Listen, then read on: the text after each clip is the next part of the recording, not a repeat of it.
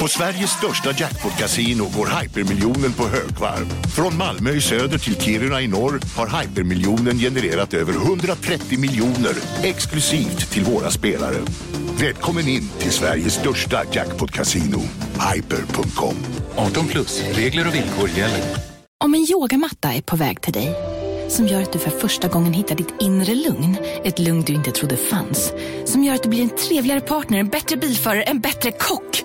Du blir befordrad på jobbet men tackar nej, för att du inte längre drivs av prestation utan vill göra saker som känns meningsfulla i livet. Och, ja, eller ja, då finns det flera smarta sätt att beställa hem din yogamatta på. Som till våra paketboxar placerade på en plats nära dig och tillgängliga dygnet runt. Hälsningar Postnord. En vecka har passerat sedan det första avsnittet om Sjachtar Donetsk och det är ofrånkomligen så att världen har hunnit bli en annan plats under de dagar som har gått. Ryssland har påbörjat ett fullskaligt invasionskrig mot Ukraina och för varje dag som går så kommer vi längre och längre in på en väg som vi knappt vågar tänka på var den slutar. Det går fort nu. Det går skrämmande fort nu. Och en rätt stor del av oss känner ju att vi borde göra en helt annan inspelning än vi egentligen tänkt oss. Att det enda rimliga här och nu är att ägna tre timmar åt ett fullständigt och reservationslöst fördömande av Vladimir Putin, hans regim och den världssyn han har förvridit. Men när allt kommer kring är det ju inte det vi gör. Och det är i grunden inte heller det vi tror på. För, för det första är vi faktiskt en fotbollspodd. Och för det andra så har vi alltid utgått från berättandet, förklarandet och sammanhangssättandet. Och Europa befinner sig vid en ny punkt idag jämfört med för en vecka sedan. Men vägen som tagit oss hit förblir densamma. Och den vägen, den har gått över Donetsk, över Donbass och den har definitivt berört fotbollen. Så här är det andra avsnittet om Sjachtar Donetsk, en klubb som vi senast lämnade strax efter att EM 2012 kommit till deras hemstad. De var väldigt nära toppen då, men världen runt omkring dem skulle snart börja rasa.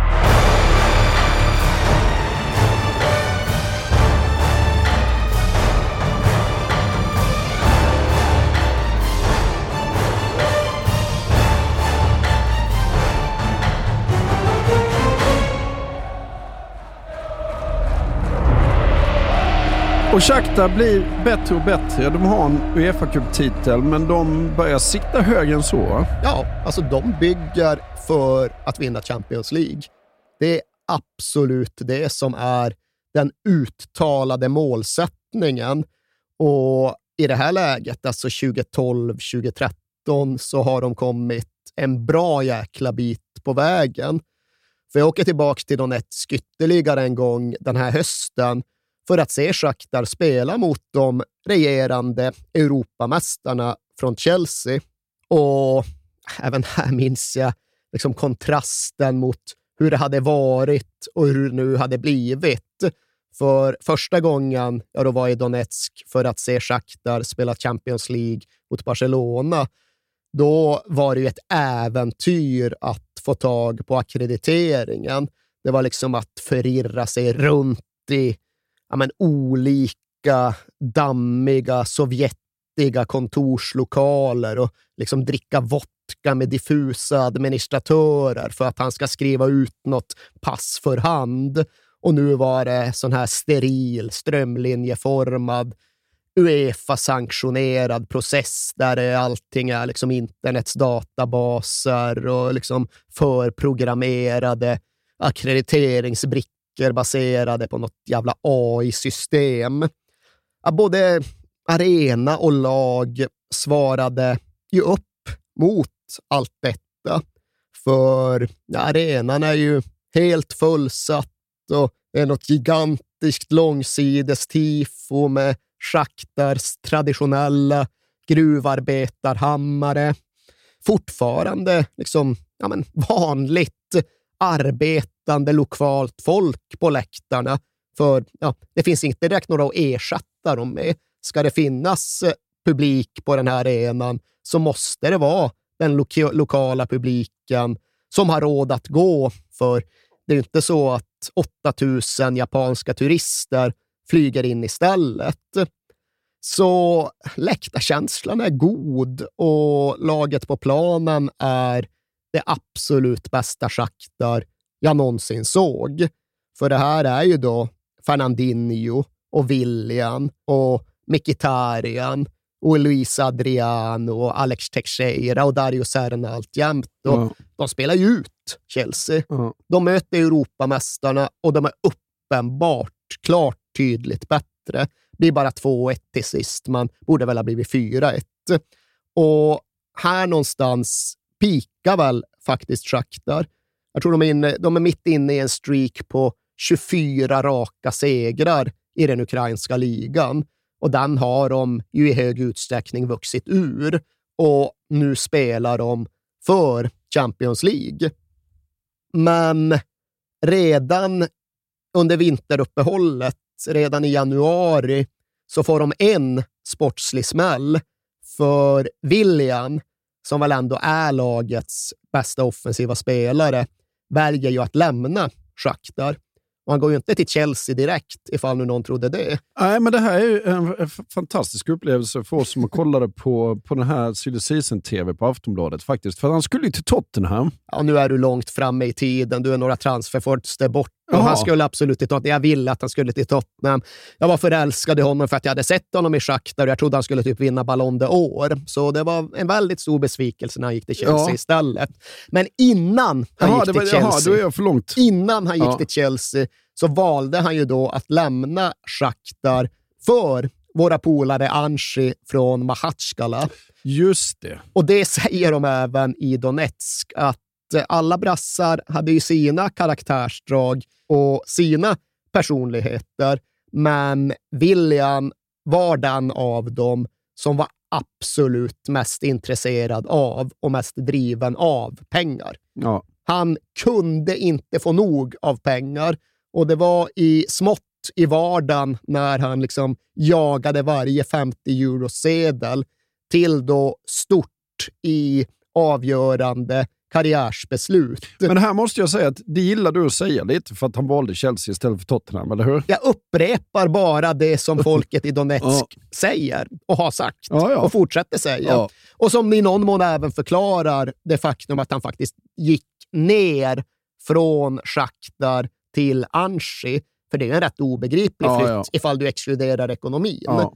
Shakhtar spelar för att vinna Champions League ja. och det gör ju inte Anshi. Och Shakhtar betalar ju otroligt bra, men Anshi betalar galaktiskt ja. bra. Och i det läget så vill William flytta till Mahatskala och Rinat Akhmetov och Mircea Lucescu låter honom göra det, för de tror sig kunna ersätta William över tid. Och det kan de väl, men det försvagar laget där och då, precis när ja, men de faktiskt har en möjlighet att vinna Champions League. Ja. Den är inte jättestor, men den finns. Men den försvinner ju i samband med åttondelsfinalen mot Borussia Dortmund. För Shakhtar har ett grepp och ett övertag i hemmamatchen och de tar ledningen två gånger om. Och ifall de bara har en ledning med sig till Dortmund, så vem vet? Men nu kvitterar Mats Hummels på hörna i 87 och Shakhtar försvarar sig konsekvent illa på fasta situationer över hela dubbelmötet och det blir utslagsgivande. Jürgen Klopps och Lewandowskis Dortmund vinner över två matcher och de går hela vägen till final. Och de hade absolut kunnat vinna Champions League. De faller ju till sist på ett mål några minuter från finalens slutsignal. Men med viljan och med lite bättre försvar på fasta och med lite tur så hade Sjachtar Donetsk också kunnat göra det våren 2013 och närmare än så skulle de sen aldrig komma. För det här var någonstans kulmen, kröningen, piken De mår så väldigt, väldigt bra på alla sätt och vis. Och det är kul med Champions League och liksom folkfester mot Chelsea och Juventus och Dortmund, men de snittar ju alltså 41-42 000 på hemmamatcherna i den ukrainska ligan. Mm. När Volyn Lutsk och Ilishets från Mariupol kommer på besök. Mm. De snittar över 40 000 och de var då kända som ett publiklag under hela Sovjettiden. De hade högt snitt i Sovjet, men aldrig tidigare så här högt. Nej. De snittade inte 40 000 ens på 1960-talet. Och då trängdes människor på slagghögarna utanför. Och nu sitter de på vadderade stolar och mår gruvarbetargott. Ja. Det är en god tid för Shakhtar och tanken är ju att den ska bli ännu bättre. Vi vet med historiens facit att de aldrig skulle komma närmare en Champions League-titel, men det accepterade såklart inte klubbledningen där och då, utan de spände ju bågen igen för att bli ännu bättre året efter. Okej, okay, de tappade stommen efter den här säsongen, för det var inte enbart den pengadrivna viljan som försvann, utan det gjorde ju även Fernandinho som gick till Man City och Mkhitaryan som gick till Borussia Dortmund och för den delen trotjänaren Razvan Ratt som flyttade till West Ham. Men det fanns pengar och det fanns ambitioner och det fanns know-how för att ersätta dem. Det var övertygelsen. Ja, om vi då ska gå in i säsongen 2013-2014 så tar vi väl eh, vårt favoritsegment här va? med truppen. Ja, vi kan inleda med att berätta att de såklart tittar västerut mot Brasilien för att ersätta sina utflyttade stjärnor.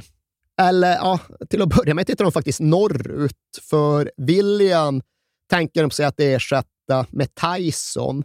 En annan brasse förvisso, men en brasse som har fått sitt fotfäste i Metallist från Charkiv. För de hade ju i hög utsträckning kopierat Sjachtar Donetsk-recept. De hade också börjat importera de mest talangfulla unga brassarna och fick en jäkla massa framgång på det. Ja. De hade ju även en del andra sydamerikaner. Papu Gomez var ju där och snurrade ja. Jag med fattar inte hur de får dit dem. pengar! Jo, men det finns ju pengar även i, i de stora klubbarna i Västeuropa. Ja, men just det där med att i andra världsdelar så finns det inte samma fördomspaket mot Östeuropa. Det är inte en lika stor kulturell tröskel att passera för de som flyttar dit från Argentina eller Paraguay eller Brasilien Nej. jämfört med de som ska flytta från Sverige eller England eller Belgien. Sen tog de då även två 20-åringar från den brasilianska ligans toppskikt. De tog fler brassar än så, men det var framför allt dessa två som gav eko. Och den ena var då Fred från International, ja. idag återfunnen i Manchester United. Och den andra var en ännu större grej, för det var Bernard från Atletico Mineiro. Ja. Och Bernard var ju den sortens brasse som Shakhtar dittills inte hade kunnat locka. Nej, han var väl färdig? va? Ja, men han var ju den stora då. Alltså det är klart han inte var Neymar eller ens Robinho. Men han var i grunden en sån där A-landslagsbrasse mm. som förväntades gå till Juventus eller Atletico Madrid direkt och inte hamna i östra Ukraina.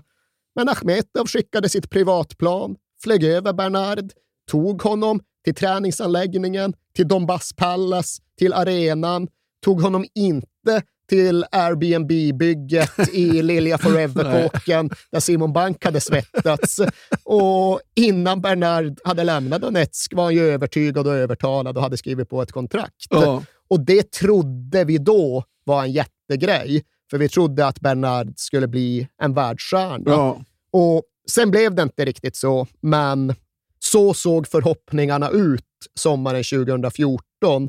Shakhtar skulle bli bättre än de hade varit när de nådde Champions Leagues åttondel och Bernard skulle, i alla fall över tid, vara grabben som drev dem dit. Ja. Du, när jag tänker på det nu, jag måste fråga Badell om han har tagit bilder på det här boendet, för det vore skit på Instagram tror jag. Verkligen, och det Ja. vore en skam för honom som yrkesman ifall han inte har gjort Ja, det. det är rött kort om man inte har det. Dyker det upp bilder från deras boende så, ja, bra jobbat Badell. Vad har vi mer i truppen då? Jo, alltså, vi har ju då ett lag som alltjämt dirigeras av Mircea Lucescu, som nu går in på sitt tionde år i Shakhtar. Och sen har vi då, svårbegripligt Ja. nog, alltjämt Andrij Piatov i målet. Och visst, han har en personlighet och han har ledarskapsegenskaper och han gör en del riktigt avancerade räddningar.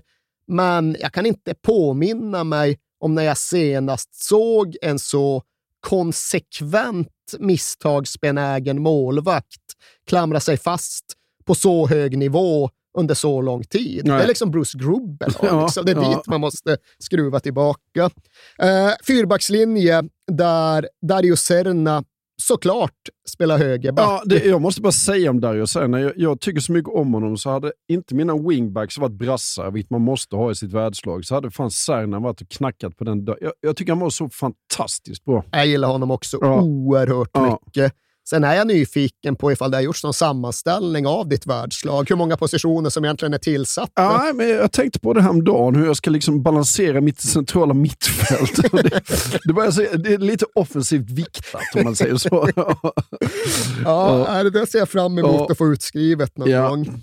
Men ja, där Piatov från Kirovograd gick in på sin sjunde säsong i målet under tränaren Lucescu som gick in på sin tionde säsong, så var då Serna på väg att slå in på sin elfte Shakhtar-säsong. Ja. Han hade funnits där innan allt egentligen började, före Lucescu.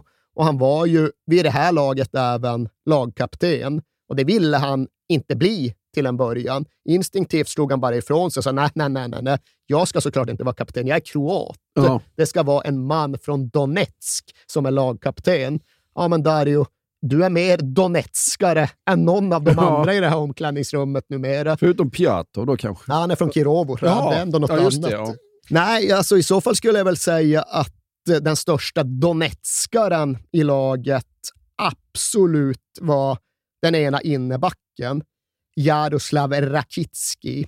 Och han var i och för sig inte från Donetsk till en början, utan han var en gruvarbetarson från kanonstället Persjotravensk i västra Donbass. Ja. Men han var från Donbass, han hade flyttat till Donetsk tidigt och han tillhörde de som kände väldigt starkt för Donetsk och för Donbass och för regionens särart och det som särskilde regionen från övriga Ukraina. Eller som Jaroslav Raskitski förmodligen skulle ha sagt, från Ukraina. Punkt. För i hans ögon var inte Donbass Ukraina. I hans ögon så var det något annat. Ja. Men Rakitski hade varit i Shakhtar sedan han var 14, så även där mångårig klubberfarenhet. Precis som det fanns i de två ukrainarna bredvid honom. För Alexander Kusher och Vjatjeslav Chevchuk, ja, de var från västra Ukraina, men hade ändå tillbringat många år i Shakhtar. Kusher gick in på sin åttonde säsong och Shevchuk, ja, han var långt bort ifrån västra Ukraina, från en helt annan värld. Men första gången han värvades till Shakhtar var år 2000 och därefter hade han i och för sig varit iväg på en del utflykter, men sedan återvänt. Så det är en väldigt långlivad och mångårig försvarsstomme som Shakhtar här bygger utifrån. Och där får vi även inkludera den ena ordinarie bollvinnaren, Thomas Hübschmann. Tjeck förvisso, men tio år i Shakhtar. Ja. Och bredvid honom då, ja, spelaren där laget byter skepnad och viktas om. För här slutar det östeuropeiska Shakhtar och här börjar det brasilianska. För bredvid Hübschmann så skulle ju då Fred lira boll. Och till en början framstod ju han som någon sorts sambabrasse. För det absolut första han gör är att han glider in och sätter två mål under den första halvtimmen av Supercupfinalen mot Tjörnomerets från Odessa. Så ja, där undrade ju Shakhtar-folket ifall det var en riktig målmaskin som de hade värvat in.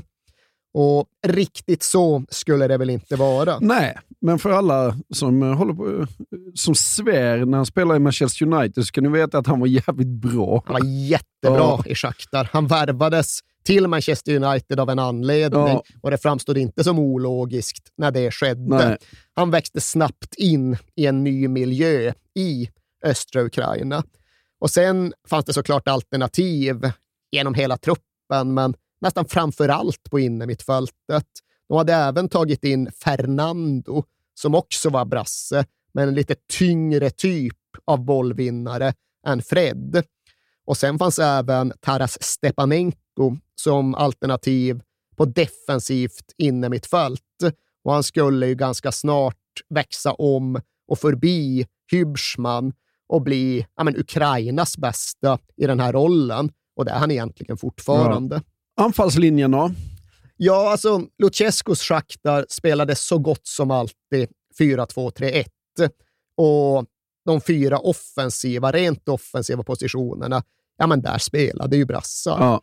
Och ordinarie in i 2013, 2014, det var då Douglas Costa till höger. Han hade varit där några år, 23 år gammal nu och skulle få ta större ansvar, skulle bli en stjärna ja. nu när de andra hade flyttat. Och om Donetsk-folket säger att William var den av brassarna som var mest intresserad av pengar, brukar de säga att Douglas Costa ja, det var den hårdaste av brassarna. Mm. Framstår kanske lite som en så här sorglös dribblar, men ska ha haft en liksom, tydlig edge i sin personlighet. Favela-tuffing. Ja, ja. Kasta en vattenflaska mot Luchescu en gång. Och det var det inte många som gjorde Nej. i det där omklädningsrummet. Innanför honom i en nummer 10-roll istället för Mkhitaryan, Alex Teixeira. En mjukare, mer dansvänlig själ än Douglas Costa, som ja, men i grunden presterade på samma nivå som Douglas Costa över tid i Shakhtar, men där den ena flyttade till FC Bayern kom den andra att flytta till den kinesiska fotbollen och därav ja, men den väldigt stora skillnaden i hur vi uppfattar de här två spelarnas olika slagstyrka. Och sen då till vänster i den här anfallstrean Tyson från Metallist som skulle ersätta William. Och här vet vi att ja, här fanns det alternativ. De hade som sagt tagit in Bernard som skulle bli lagets stora stjärna, var det tänkt. Men Luchescu gav ju klokt nog så gott som alla nyimporterade brassar tid att växa in i allt det nya och det kunde ta olika länge. Och för Bernard så tog det väl egentligen för alltid. Han kom aldrig in i det. Han lyckades aldrig med omställningen som det innebar att flytta till Shakhtar och blev ju inte heller det världsnamn som så många ändå hade trott. Mm. Och längst fram? Ja, längst fram så var det Luis Adriano som spelade och som vräkte in mål. Och det var inte för att det saknades alternativ, utan det var för att Luis Adriano var så bra och så självklar. Men bakom honom fanns det ju andra spelare. Där fanns Eduardo, som de kallade för kroat eftersom att han hade naturaliserat ja, sig, men som såklart också var brasse och som ju Shakhtar hade värvat från Arsenal, där skador hade fått honom att tappa farten. Ja, just det. Sen, fanns, sen hade de också liksom gått lite wild and crazy när de hade hämtat in Facundo Ferreira, som inte var brasse, utan argentinare. Och han hade vunnit skytteligan med Veles nere i Argentina och därför fanns det förhoppningar på honom.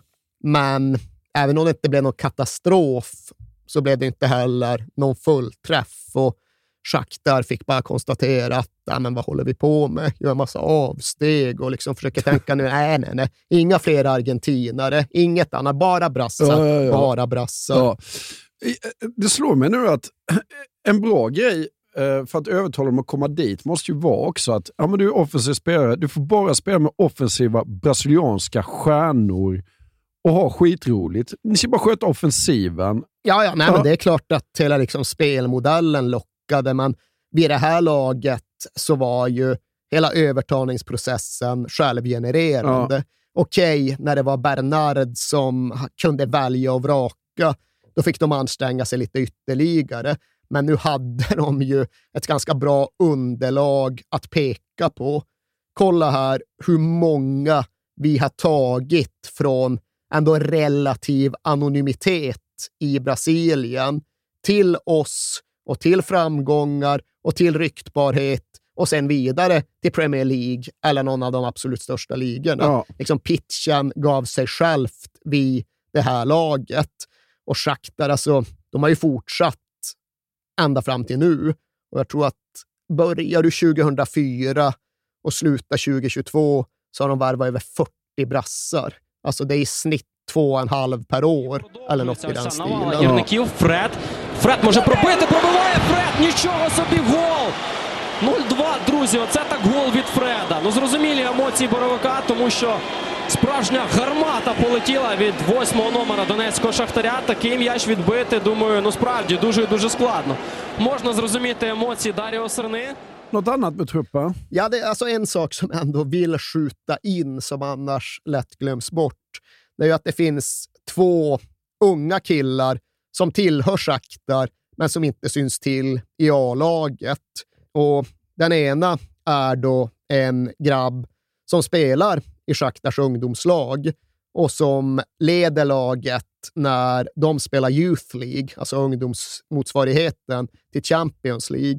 Han gör mål mot Manchester United bland annat den här hösten och det är ju Alexander Sinchenko idag i Manchester City och för den delen målskytt mot Sverige i EM-turneringen förra sommaren.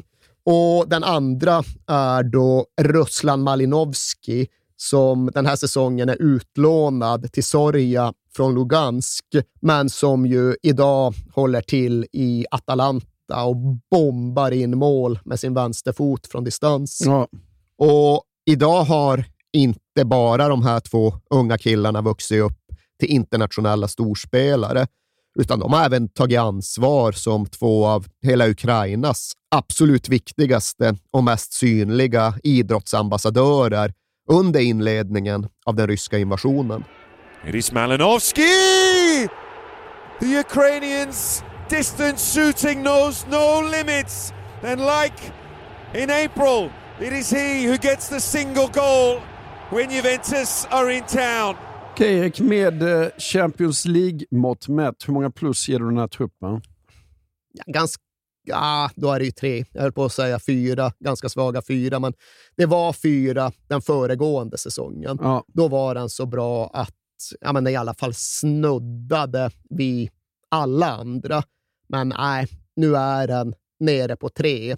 Shakhtar tänkte ju som sagt inte ge upp, men de accepterade någonstans själva att det fanns väl risk för en omställningsperiod, kanske till och med ett omställningsår. Det skulle kunna dröja ett litet tag innan Tyson och Bernard var lika bra som William och Mikitarian. Men ja, fick väl visa sig ifall det skulle ta 14 veckor eller 14 månader. Men att de skulle tillbaka dit, det fanns det ingen tvekan om. Nej. Och hur blir hösten här då? Blir jättebra eh, på det stora hela. De går in i ligaspelet och vinner alla de sex första matcherna på det sätt som de förväntar sig. Och sedan, ja, men helt okej resultat i Champions League. De viftar bort Real Sociedad enkelt två gånger om, vinner 2-0 borta och 4-0 hemma och spelar sen även 1-1 mot Man United i Donetsk i oktober. Men det ska visa sig bli den sista stora showen på Donbass arena i Donetsk. För till att börja med så kommer det en slev av sportslig missräkning. Shakhtar tar bara en poäng på två matcher mot Bayer Leverkusen och missar därmed avancemanget.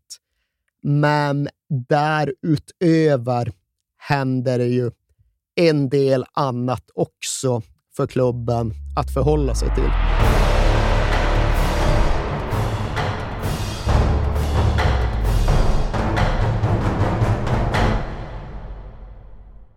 Jag vill inleda med att säga att det är garanterad jackpot på 13 miljoner på Stryktipset. Och fy fasen. Ja, visst.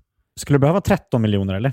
Ja, det skulle jag verkligen. Men vi måste säga först att vi är ju sponsrade av Stryktipset. Ett spel från Svenska Spel, Sport och Casino för dig över 18 år. Yes, och stödlinjen.se finns där för dig om du har problem med ditt spelande. Nej, men 13 miljoner jackpot på Stryktipset, det är ju inte fel. Nej, då är det faktiskt dags att ladda en rejäl rad här känns det som. Mhm. Vet du vad som inte heller är fel? Nej. Födelsedagsfirandet och alla härliga Mm. historier vi får in. Exakt, Mm. för vi är ju mitt inne i Stryktipsets 90-årsfirande som vi firar med att läsa upp fantastiska historier från våra lyssnare Yes. som skickar in dem till kings at perfectdaymedia.se. Precis, bomba på nu. Det är åtta månader kvar på det här firandet, så att, eh, vi kör nu. Mycket Stryktipshistorier vill vi ha Mm. och i dagens har vi fått från Peter som skriver så här. Hej på er och tack för en helt otrolig podcast. Den har räddat mina veckor i snart fyra år. Tack så mycket Peter. Min historia är ganska färsk, men den om när det vänder på stopptid gav kanske inte de största pengarna, men känslan i mig består. Jag spelar ofta för lite mindre pengar på Stryket, följer fotbollen men är långt ifrån en nörd. Och allt såg väldigt bra ut senast, förutom på min etta på Manchester United mot Brentford. Var ändå väldigt, eh, var ändå väldigt nöjd med hur resten satt.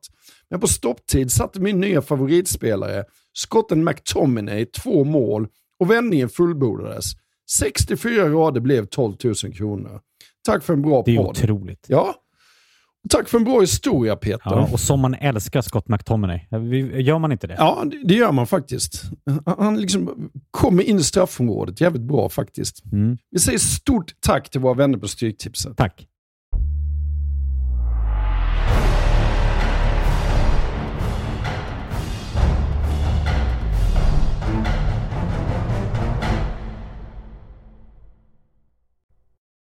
Ja, för politiskt börjar det koka i Ukraina nu.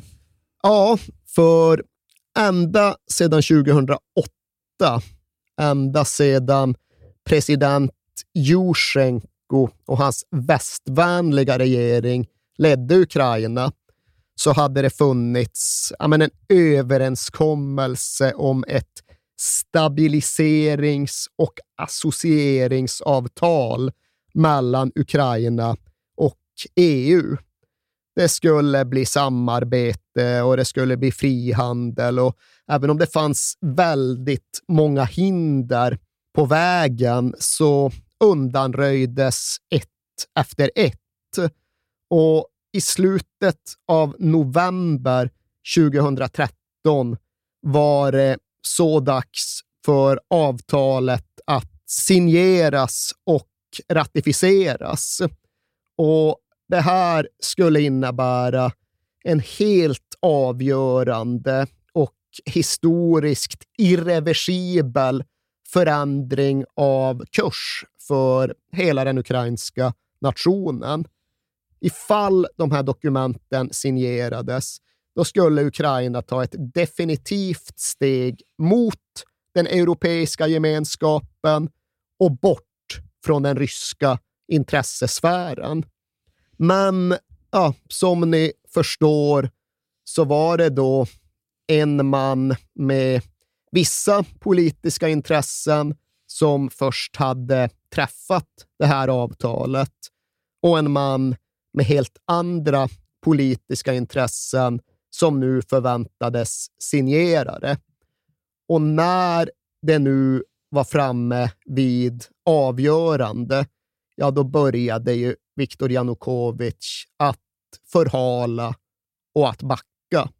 Och det gjorde han i hög utsträckning med stöd av sin egen väljarbas i Donbass, men det gjorde han säkerligen även utsatt för hårt och tungt politiskt tryck från Vladimir Putin och Moskva.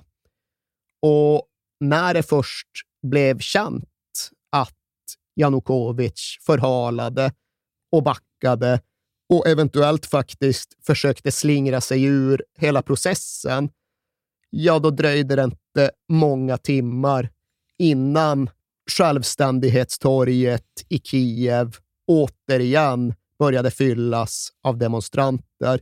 För nu hade den så kallade Euromaidan inletts. Och vad innebär det då? Ja, det innebär ett eh, semipermanent protestläger som upprättades på Majdantorget i Kiev, där då ja, men till en början företrädesvis unga människor från västra Ukraina försökte göra sina röster hörda, försökte få de styrande att inse att de såg det här som en stöld av deras nationella framtid. De ville inte titta österut mot Moskva. De ville inte blicka bakåt mot kommunismen. De ville ha en annan framtid, en annan frihet och den såg de i väst. Och de här människorna, ja, de ställde sig på Majdantorget och de blev kvar där. Men varje söndag under november och december så blev de även förstärkta av hundratusentals andra som anslöt sig till dessa massprotester.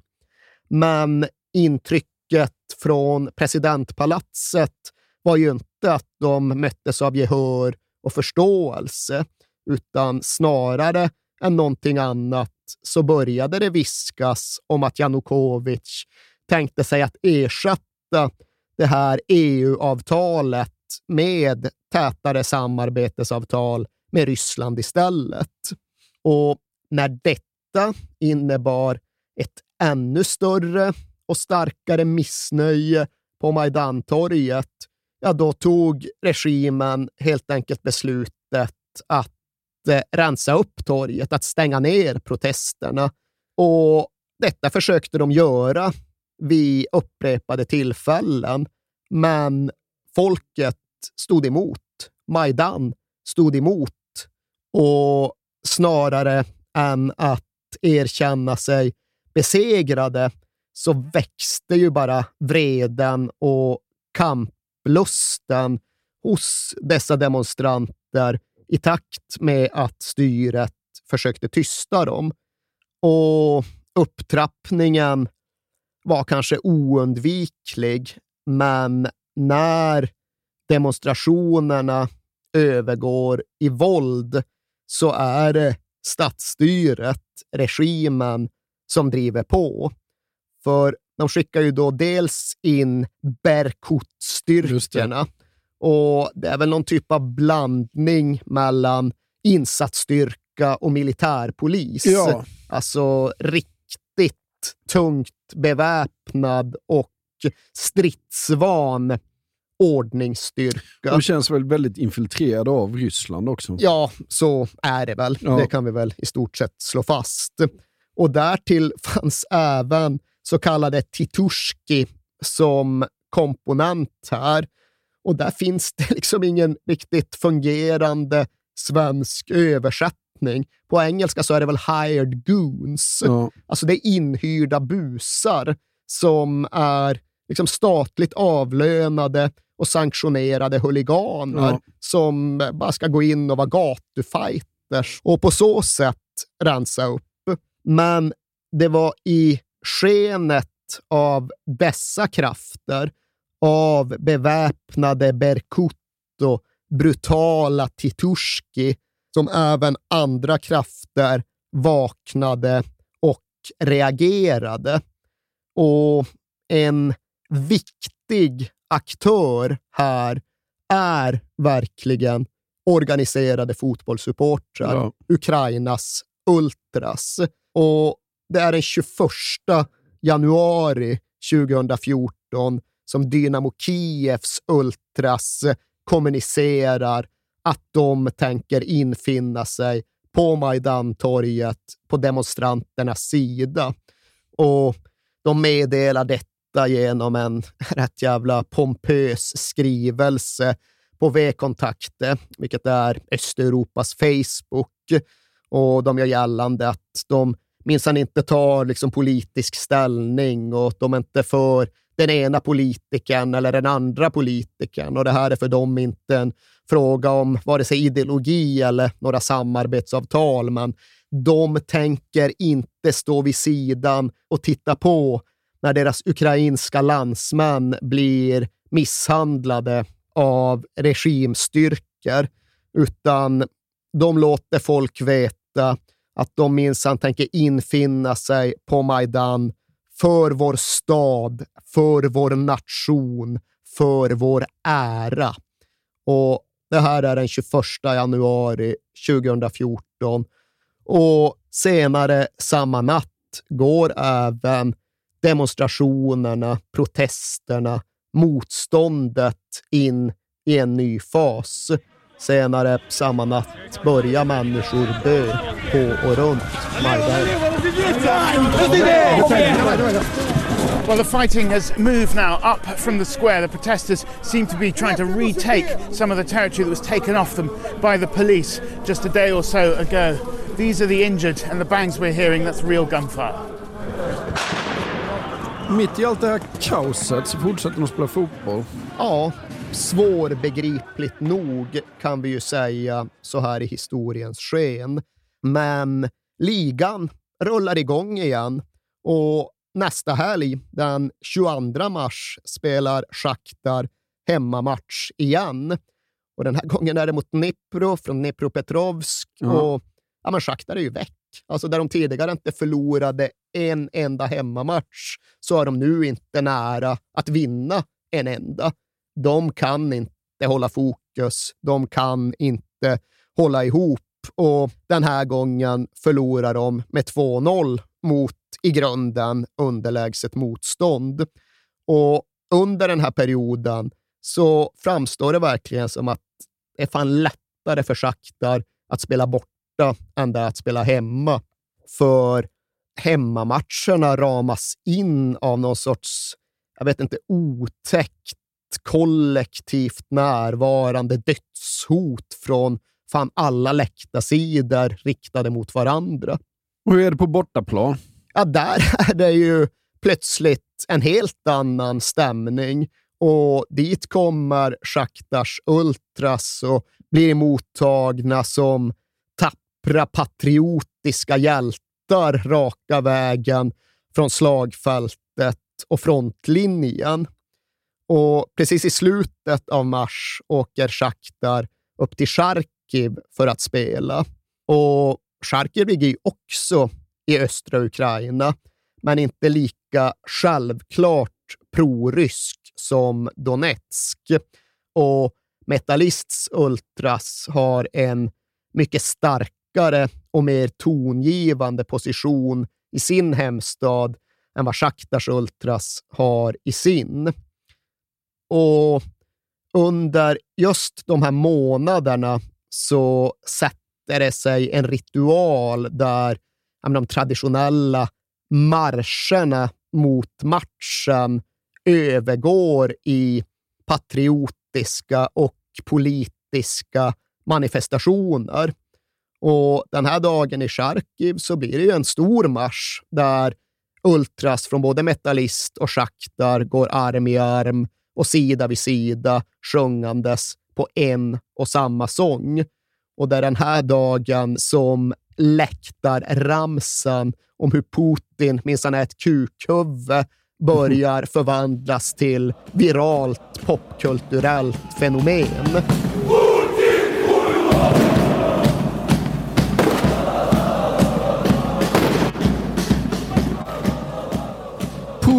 Julilo. Jag tror ett uttal är Putin svajigt. Kuilo. Putin Kuilo. Kuilo. Ja, Någonting ditåt. Men ja, Putin är ett kukhuvud. Ja. Och den där har ju då spridit sig från gatorna i Charkiv till fotbollsläktare över precis hela Ukraina och in i det som idag får ses som deras gemensamma kulturella arv. Det finns ingenstans i dagens Ukraina där du inte kan stöta på denna kärnfulla sammanfattning. Och När jag var i Kiev många gånger sa okay, nu ska jag koppla upp mig på wifi. Näten heter Putin Sjuilo. Och liksom politiker hasplar ur sig den där frasen när de ska kommentera läget lite sådär off record. Och liksom skådespelare har det som replik i sina pjäser. Det är ja, men en självklar summering av egentligen allt för en ukrainare. Vad beror det på att världen ser ut som den gör och att livet är som det är?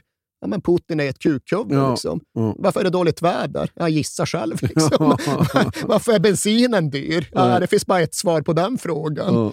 Så och det kunde väl i alla fall Schaktars Ultras njuta av och ha lite kul åt en grå marsdag i Charkiv. Att de satte en läktarsång tillräckligt catchy för att bli en nationell självklarhet framöver. Men bara därför så jublas du inte i Donetsk. Är rätt mycket tvärtom och ja, men saker och ting eskalerar ju väldigt snabbt. Nu är vi ytterligare en knapp vecka framme i tiden och nu har vi ju maskerade, rätt tungt beväpnade män som drar runt på gatorna i Donetsk och intar den stora statliga administrationsbyggnaden. Och ja, här kan vi diskutera fram och tillbaka huruvida det är inbussade ryska soldater eller arga lokala milismän. Men det spelar sannoliken rätt liten roll i sammanhanget. För i början av april så utropar i alla fall stadens separatister, eller vad vi nu ska kalla dem, Folkrepubliken Donetsk. Och i samma veva, i samma anda, börjar Vladimir Putin använda sig av gamla historiska referenser till Novorossiya, så nya Ryssland, som då ska inkludera såväl Donetsk och Lugansk som Charkiv och Odessa. Och precis som våren 2022 så framstår hotet om en fullskalig rysk invasion som väldigt närvarande och sannolikt under våren 2014. Men fotbollen fortsätter spelas. Fotbollen låter sig inte stoppas och ofta är det på gott och ibland kan man undra ifall det inte är på ont. För det finns i alla fall platser och städer där det inte borde ha spelats någon fotboll under de här veckorna. Och Donetsk var en av dem. Varenda hemmamatch var ju ett stort folkligt hot. Det kunde ta vägen precis vart som helst. Och även om klubben som sådan försökte förhålla sig neutral och opolitisk så gick ju liksom inte det när deras egna läktare stod mot varandra. Och det första som fick folk att uppfatta det som att Sjachta Donetsk hade valt sida, det var klubbledningens val att börja stänga av Ultras som sjöng om Putin Sjojlo under hemmamatchen mot Tavria Simferopol precis i slutet av april. Och de här avstängningarna understöddes också av en rätt ilsken Dario Serna som uttalade sig i egenskap av lagkapten. Och han blåste på om hur han tyckte det var helt orimligt att 300 ultras skulle diktera villkoren på arenan för 30 000 andra. De ska inte stå där och sjunga om Putin och om ukrainsk patriotism ifall hela den övriga arenan uppfattar detta som stötande. Och vi ska inte gå in och recensera detta, men vi får ju ändå lov att säga att bland de flesta människor i Donetsk och bland majoriteten av åskådare på Donbass Arena så applåderades ju detta. Ja. Men bland ultrasgruppen så fick såklart känslan av att deras egen klubb vände sig emot dem och mot sitt Ukraina en ännu tydligare kontur. Och ja, det här var Donetsk och nej, det borde nog inte ha spelats fotboll i Donetsk under de här veckorna. Men det var ändå inte där som en fotbollsmatch skulle leda till en enorm tragedi, utan det var i Odessa nere på Svarta havskusten. För den 2 maj 2014 så skulle det spelas match där mellan Tjornomorets och Metallist från Charkiv. Och saken med Odessa är att även det är en mestadels russofon stad och inte alls lika tydligt som i Donetsk, men ändå även här med konsekvensen att Majdan-aktivisterna hade varit i minoritet och haft det jobbigt. Men när det nu var fotbollsmatch, ja, då kunde styrkeförhållandena svänga, i alla fall för en dag.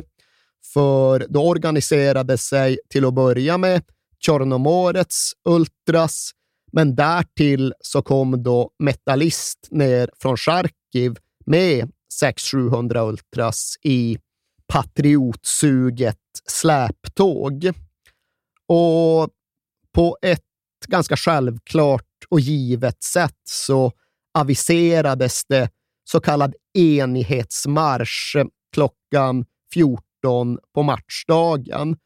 Och det var egentligen samma grej som Metallist och Schaktars Ultras hade ägnat sig åt uppe i Charkiv två helger tidigare. De skulle gå bakom ukrainska flaggor och sjunga om hur Putin var ett kukhuvud och visa att de pro-ukrainska känslorna minsann var starka även i denna stad. Men naturligtvis, på den andra sidan av Odessa så svarade även anti-Majdan upp med sin mobilisering. Och den ska ha gått under parollen Ta efter Donetsk, alltså visa att vår sida är mycket fler och mycket argare och för den delen kanske även mycket mer våldsbenägen, för ja, de kan försöka marschera under sina gulblå baner om de vill, men det kommer i så fall att kosta. Och båda sidor beväpnade ju sig. Och när de först stötte samman så var det väl ändå på liksom ett sätt man sett förut. Obehagligt som satan, definitivt, men ändå ja, baseballträn och järnrör. Men därefter så gick det snabbt till liksom molotovcocktails och brandbomber och sen så var det någon som tog klivet över och började använda skjutvapen. Och Det ledde naturligtvis snabbt till att folk föll och folk dog på båda sidor.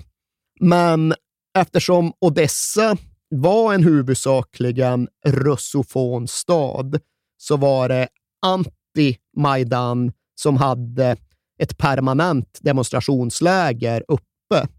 Och Det låg utanför stans fackföreningshus och innebar väl någonstans en självklar och lättåtkomlig måltavla för de pro-ukrainska demonstranter som i huvudsak bestod av fotbollsultras. Så de samlade sig och de drog mot torget utanför fackföreningshuset för att göra gud vet vad, för att slåss och rensa upp, tror jag ändå i huvudsak ambitionen var. Men i ett sånt här läge riskerar såklart saker och ting att spinna bort utom kontroll. Och det var då just det som skedde. Ultrasgängen drar in på torget och börjar väl veva och det här utlöser panik i en här ganska brokig skara av motståndare. För även om det här var anti-Majdan så var väl sammansättningen av människor ungefär likadan som den var på original-Majdan uppe i Kiev. Här fanns extremister och här fanns fascister och här fanns de extremt våldsbenägna. Men här fanns även helt vanligt folk som blev fullständigt skräckslaget när det dök upp en massa maskerade ultras och började veva med tillhyggen. Så folk spreds vind för våg och tog sin tillflykt dit det gick och många flydde då in i torgets huvudbyggnad, det här fackföreningshuset. Och vad som därefter hände vet vi inte med säkerhet. Det som är klarlagt är att det kastades brandbomber fram och tillbaka från båda sidor. Och sen är det kanske inte livsviktigt att klargöra exakt vilken brandbomb från vilken sida som fick byggnaden att fatta eld. Men eld fattade den och där inne fanns instängda människor som inte hade någon väg ut. Dozens of people have been killed in a fire and clashes in the port city of Odessa as Ukraine's bloody conflict spread from the east to the south. This trade union building was reportedly torched after pro Russian activists took refuge inside, having been chased by pro Kiev demonstrators. At least 31 people died from carbon monoxide poisoning or after jumping from windows, according to the Ukrainian Interior Ministry. Clashes have occurred in largely Russian speaking Odessa before, but this deadly violence was something new.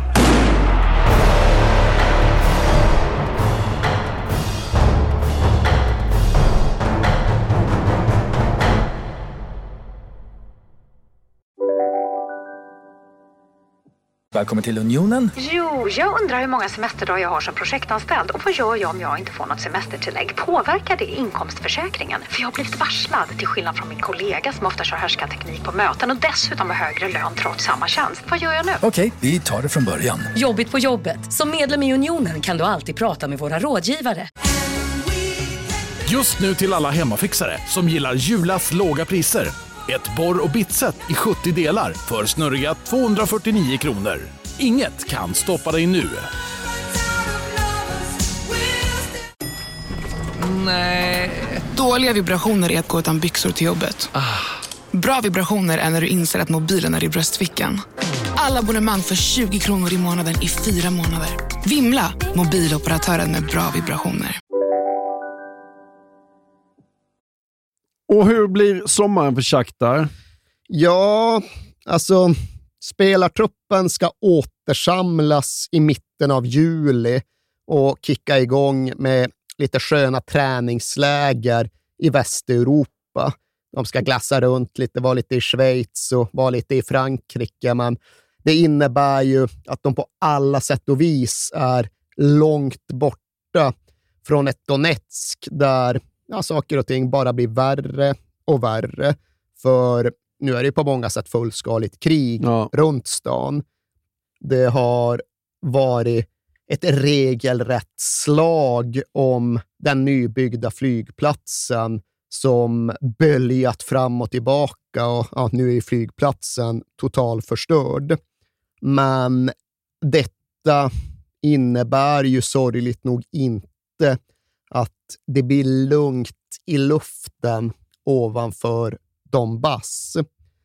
För den 17 juli 2014 så lyfter ju flight MH17, Malaysian Airlines flight 17, från Amsterdam och den flighten är ju tänkt att ta passagerarna till Kuala Lumpur, men på vägen så ska planet flyga över östra Ukraina. Och det gör det. Och det befinner sig på 10 060 meters höjd när det träffas av en missil skjuten av separatiststyrkor som misstagit planet för ett ukrainskt militärflygplan. Och 283 passagerare samt en kabinpersonal bestående av 15 personer störtar ju från 10 060 meters höjd mot sin död. Hundreds of passengers are feared dead after a Malaysian Airlines jet crashed in Ukraine. There are claims the plane may have been shot down with both the Ukrainian government and pro-Russian separatists denying responsibility. I came over the hill uh, of a, and it was a cornfield. And at the bottom I could see um, wreckage burning. I said to Pete, this is still on fire. He uh, said, it's unbelievable.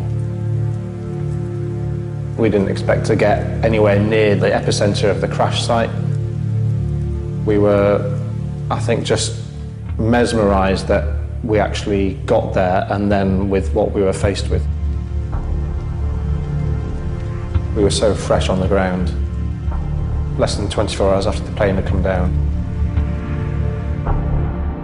All the bodies were, were still lying there. Och det är vrakdelar och döda kroppar som faller ner över husen i den lilla byn Rabove, drygt fem mil öster om Donetsk. Och naturligtvis dör ju samtliga 298 ombord och det är ju en helt ogreppbar massaker. Och ifall nu stridsljuden och artilleriekorna från Donetsk ändå har framstått som rätt avlägsna på träningslägret i Frankrike, ja, så är det inte så längre. Utan Shakhtar spelar en träningsmatch mot Lyon i Annecy två dagar efter att MH17 sköts ner. Och de förlorar den matchen stort, deltar knappt. Och morgonen efter den matchen meddelar sen sex av Schaktars sydamerikaner att de minsann inte tänker följa med laget tillbaka till Ukraina.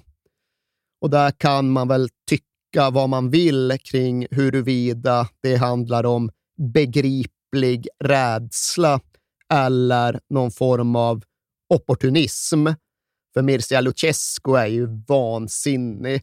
Han menar att det är den här skuggiga agenten Kia Jurabshian som har slagit i hans spelare att nu kommer de släppas fria från sina kontrakt. Fifa kommer annullera dem och det innebär att ni kan välja och vraka och gå till precis vilken klubb ni vill som betalar jättebra ner i era egna fickor. Å andra sidan tyckte ju Lukescu att man, ett träd ska man inte rycka upp med rötterna. Han vill ju tillbaka till Donbass. Liksom, ta ta ja. det som nu kommer. Ja.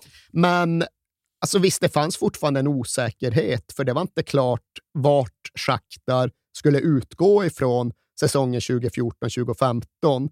Men det skulle ju inte bli lilla Cherkasy och det skulle definitivt inte bli Donetsk.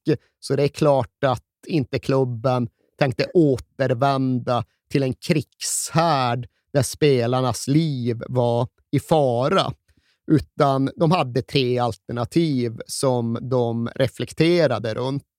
Och det var antingen Charkiv, vilket vore närmast både geografiskt och kulturellt. Men det föll bort eftersom att Uefa inte skulle låta dem spela Champions League där. Och då återstod bara Kiev och Lviv. men i praktiken visade sig att Kiev inte heller återstod, för de skulle inte få spela Champions League i samma stad som Dynamo. Så då var Shakhtar rätt och slätt utlämnade till Lviv. Och det var i grunden inte valet de ville göra, men det var valet som återstod och de genomförde det till hälften. De insåg att de skulle behöva spela sina matcher i Lviv, men de valde ändå att upprätta sin bas i Kiev och de inkvarterade alla spelare på Opera Hotel i Kiev. Och där bodde jag under EM 2012. Det, det ägdes väl av Akhmetov? Ja, det är ett ja. SCM-märkt hotell. Hade jag ingen aning om under EM 2012, men bra hotell. Har inga svårigheter att se att man kan bo Det är bra där. att du stöttar Akhmetov, så att han får mat på bordet. Ja, det var väl ja. du som attesterade fakturan och ja, det var det boken, säkert. Det var säkert du som fan. Men eh, trivsamt, stillsamt på Opera Hotel och dit anslöt ju även de sydamerikanska kontraktsrebellerna när det blev tydligt att det inte fanns något argument för att vägra, för Kiev var säkert. Ja. Även om ja, Donetsk fan i mig bara blev värre och värre, för kriget kröp liksom in mot stan från Donbass utkanter och i slutet av sommaren 2014 så knackade på med våldsam kraft. Och den 23 augusti eh, då blir själva arenan, Donbass arena, beskjuten, träffad av artilleri. Och det ena följer liksom på det andra. En knapp vecka därpå, ja, då blir träningsanläggningen förstörd av ja, först raketer och sen då brandsläckningsarbetet som bara översvämmar allt. Så, så gick det med den voljären. Jag tänkte precis fråga, hur gick det med det? Ja, det gick åt helvete. Bara brända träd blev kvar, Ja. förutom svanarna som Jaha. tydligen överlevde. Det Svanarna och den implanterade Det fisken. var ju tur det. Ja. Men ja, träningsanläggningen gick inte att nyttja framöver. Arenan var träffad av artilleri och i samma veva så tog även maskerade män helt enkelt över huvudkontoret som klubben ändå hade kvar. Och där fanns det inte så mycket. Det fanns det väl några anställda administratörer som bemannade faxen. Men det är ju ändå ett rätt tydligt budskap till kanske framförallt Rinat Achmetov. Jaha, du tror att du ska kunna ha verksamhet kvar i staden. Så här går det med detta. Ja. Och ställd inför det faktumet gjorde väl ändå Achmetov det han kunde utifrån de avenyer som alltjämt låg någorlunda öppna. Så han lät ju kommunicera att han ville förvandla arenan till ett humanitärt centrum för de utsatta i Donbass. Han ville köra dit förnödenheter och proviant och hjälpmedel. Och det är svårt att förvägra honom den rätten. Vem du än är och vilken sida du än står på.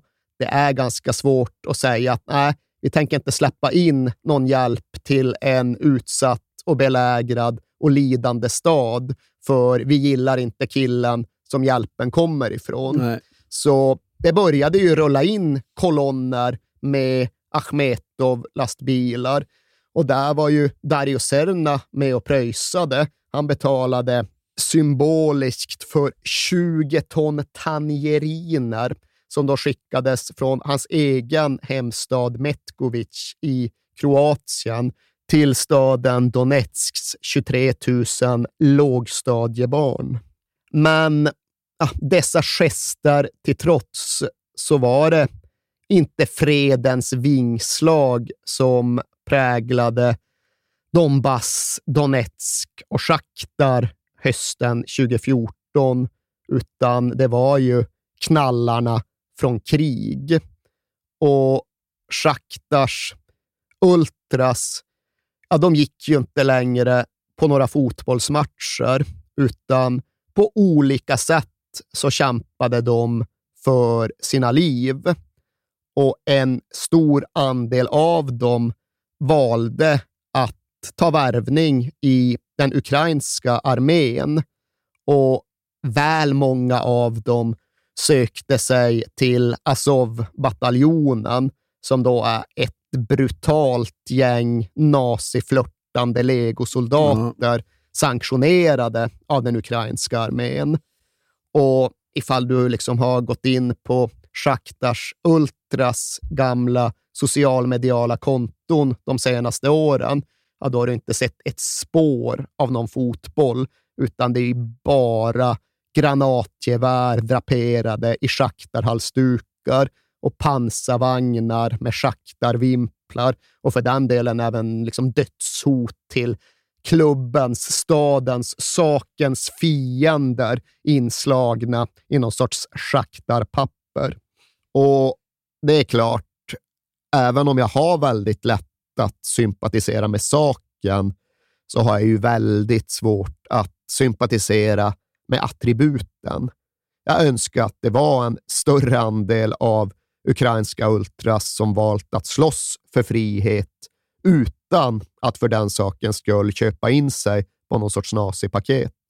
Men klubben hamnade i Lviv och skulle spela fotboll. Ja, och jag nämnde väl som hastigast att det fanns något eh, ganska paradoxalt i att de just hamnade i Lviv.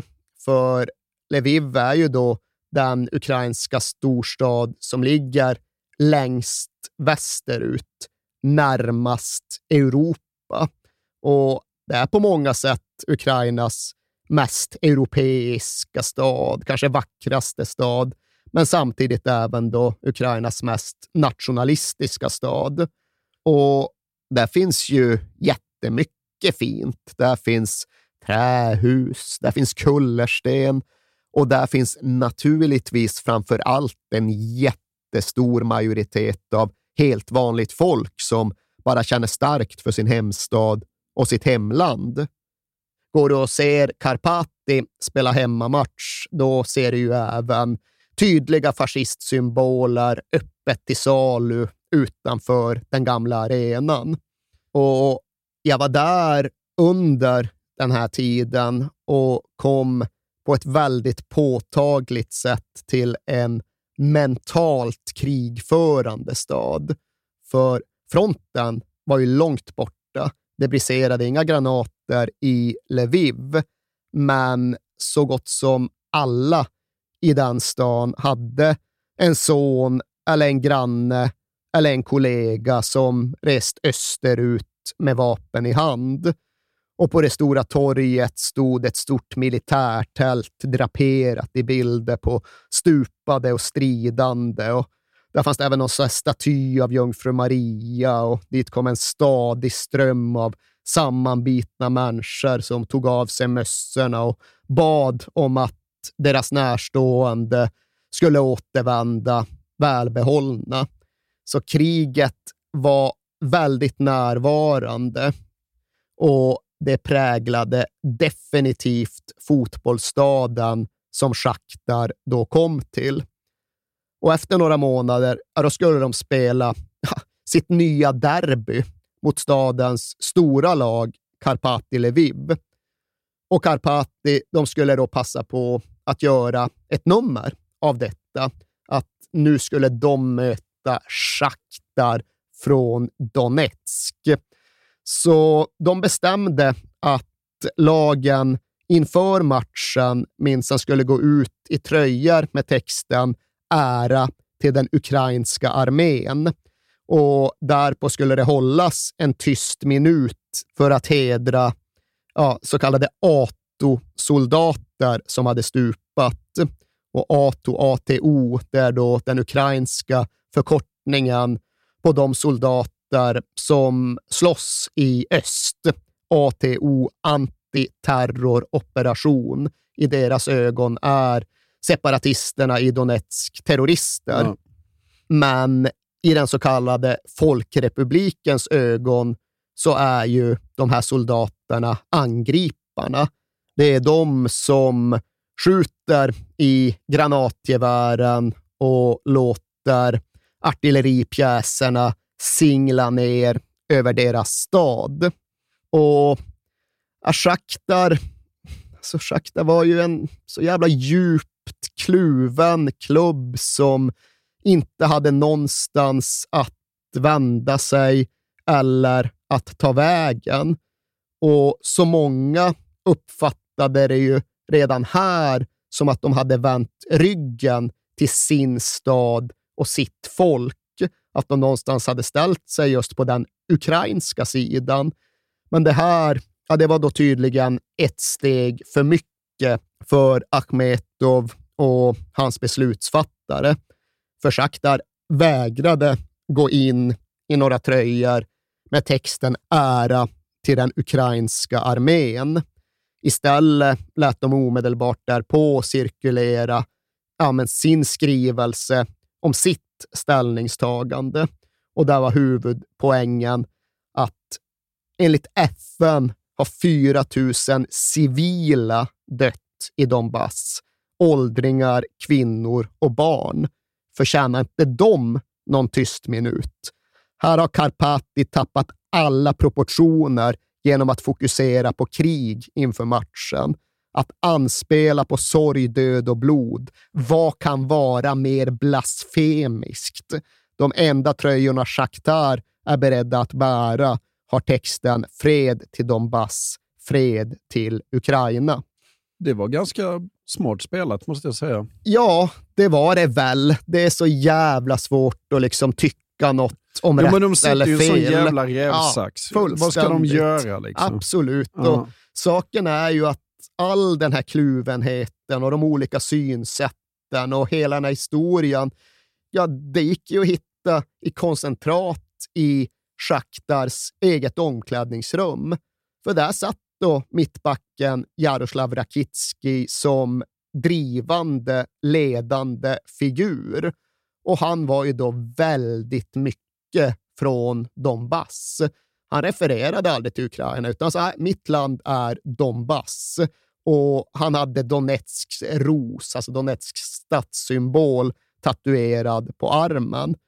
Och han vantrivdes ju något så innerligt med att befinna sig i Lviv och att spela i Lviv. För när Shakhtar mötte Karpati, ja, då var det ju banderoller och liksom plakat som hedrade Stepan Bandera på läktarna. Och liksom i Lviv älskar de Bandera. De ser Ja. det som en historisk hjälte och de har museer till hans ära som jag har gått på. Men som Rakitski uttryckte, alltså där jag kommer ifrån, Donbass, då lärde vi oss att de här var krigsförbrytare på nazisternas sida. Jag kan inte spela för banderisterna, för Banderovst. Och Rakitski han var även tillsammans då med en kvinna, en musiker, Olga Rakitski. Hon spelade in en tårdrypande låt som på svenska blir Min stad, som då handlar om Donetsk och som eh, ackompanjeras av en video där ja, men Folkrepublikens soldater skjuter granatgevär. Och, Ja.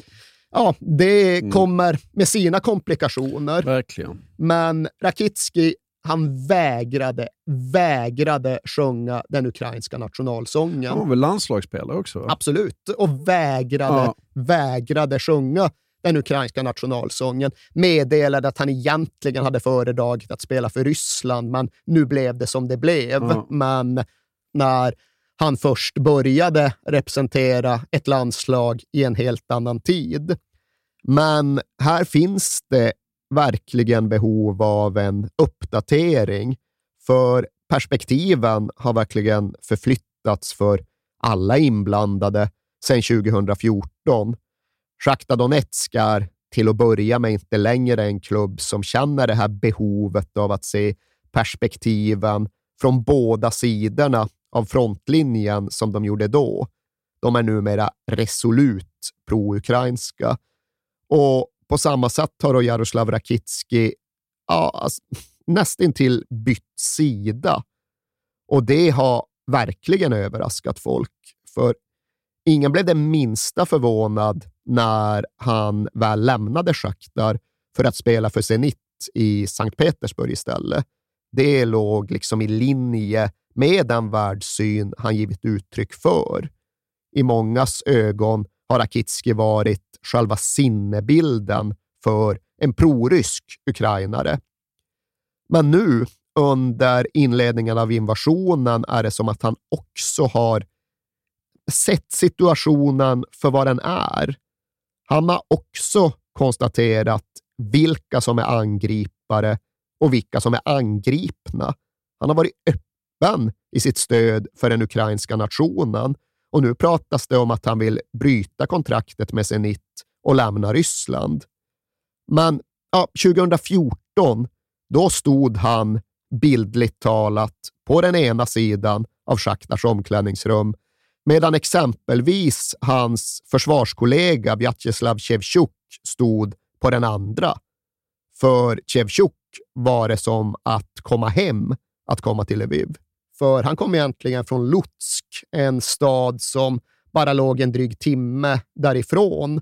Och han var en bröstbultande ukrainsk patriot som inte bara demonstrativt vrålade ut nationalsången själv, utan som även gjorde liksom strävsamma försök att lära ut den till Schaktars alla brassar. Och det där skulle Schaktar få ihop. Precis som de då skulle få ihop att de var en klubb från Donetsk som nu spelade i Lviv. Och ja, det fanns ju ingen väg ut. Nej. Det fanns liksom ingen väg framåt.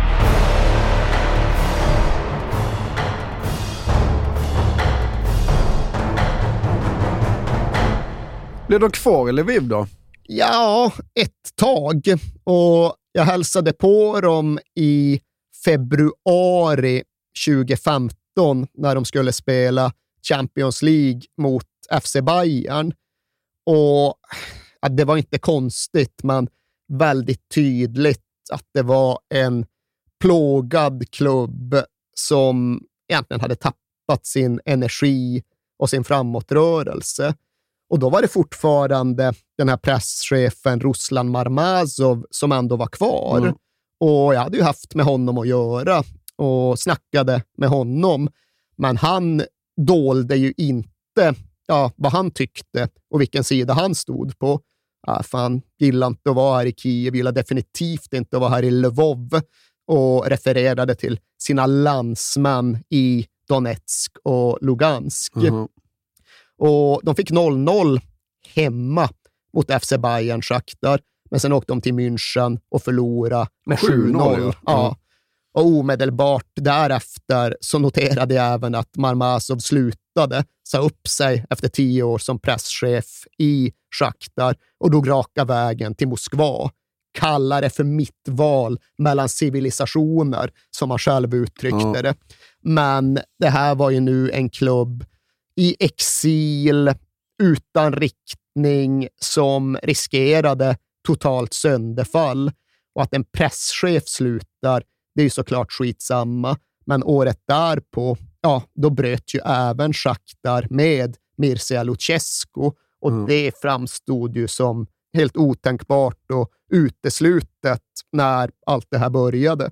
Efter Lviv då? Ja, just det. Ja. Jo, när 2016 tog slut så flyttade de trots allt ändå till Charkiv, dit de i grunden alltid hade velat flytta. Och till en början så gjorde nog det tillvaron lite lättare. Det var rent utav så att de hittade tillbaka till en del av sina gamla fans som nu kunde ta bussen från Donetsk till Charkiv på sådär tre timmar.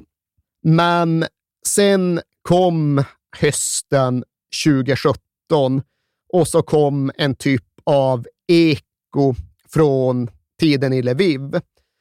För äh, det var någon, inte vet jag, någon jubileumsdag, någon minnesdag eller någonting.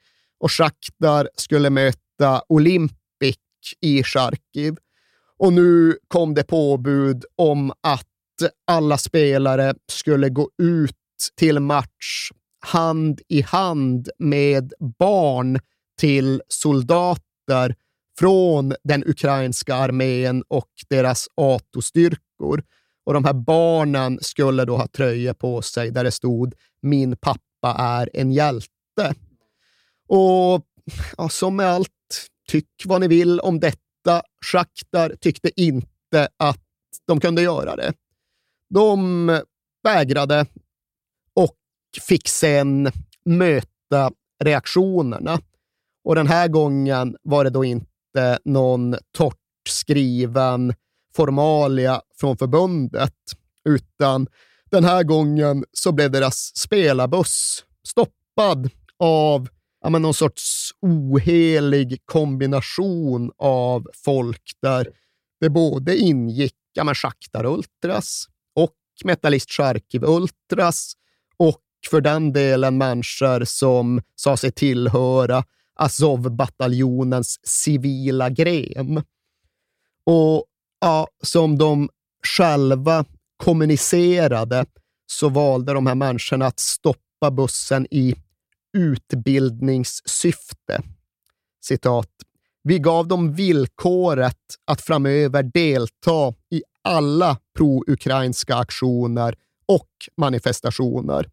Och om de inte åtlyder det ska vi göra allt för att de inte ska kunna spela i Ukraina.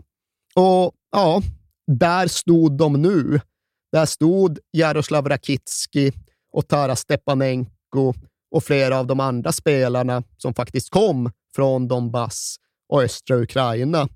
Men till nästa match, då gick de ut i tröjor med den ukrainska arméns emblem och texten “Vi är stolta över er” hand i hand med barn till soldater i den ukrainska armén.